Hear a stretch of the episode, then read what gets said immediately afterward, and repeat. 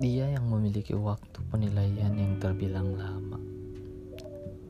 Sejak awal, dia mengatakan indah adalah cara, bukan hasil ataupun harap.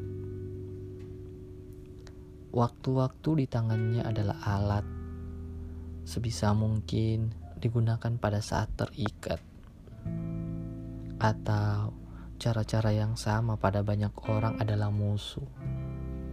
Kapan saja bisa jadi rusuh. Prinsip mengajarinya untuk bersikap lebih positif, bukan takut. Hanya saja ada hati-hati dalam penentuan hati. Sedikit tertutup, bukan dibilang sombong.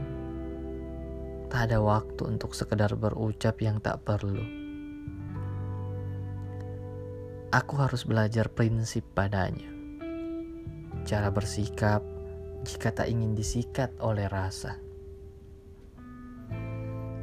Takjubku karena mewah bukanlah tolak ukur, Rasa bukanlah sesuatu yang utuh, tertutup adalah tameng agar tak tertipu.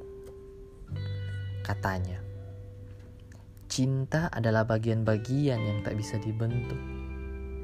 Tak ada hitungan. Jika mampu bertahan, maka harapan adalah pisau bermata dua yang sewaktu-waktu bekerja dengan sikap kita.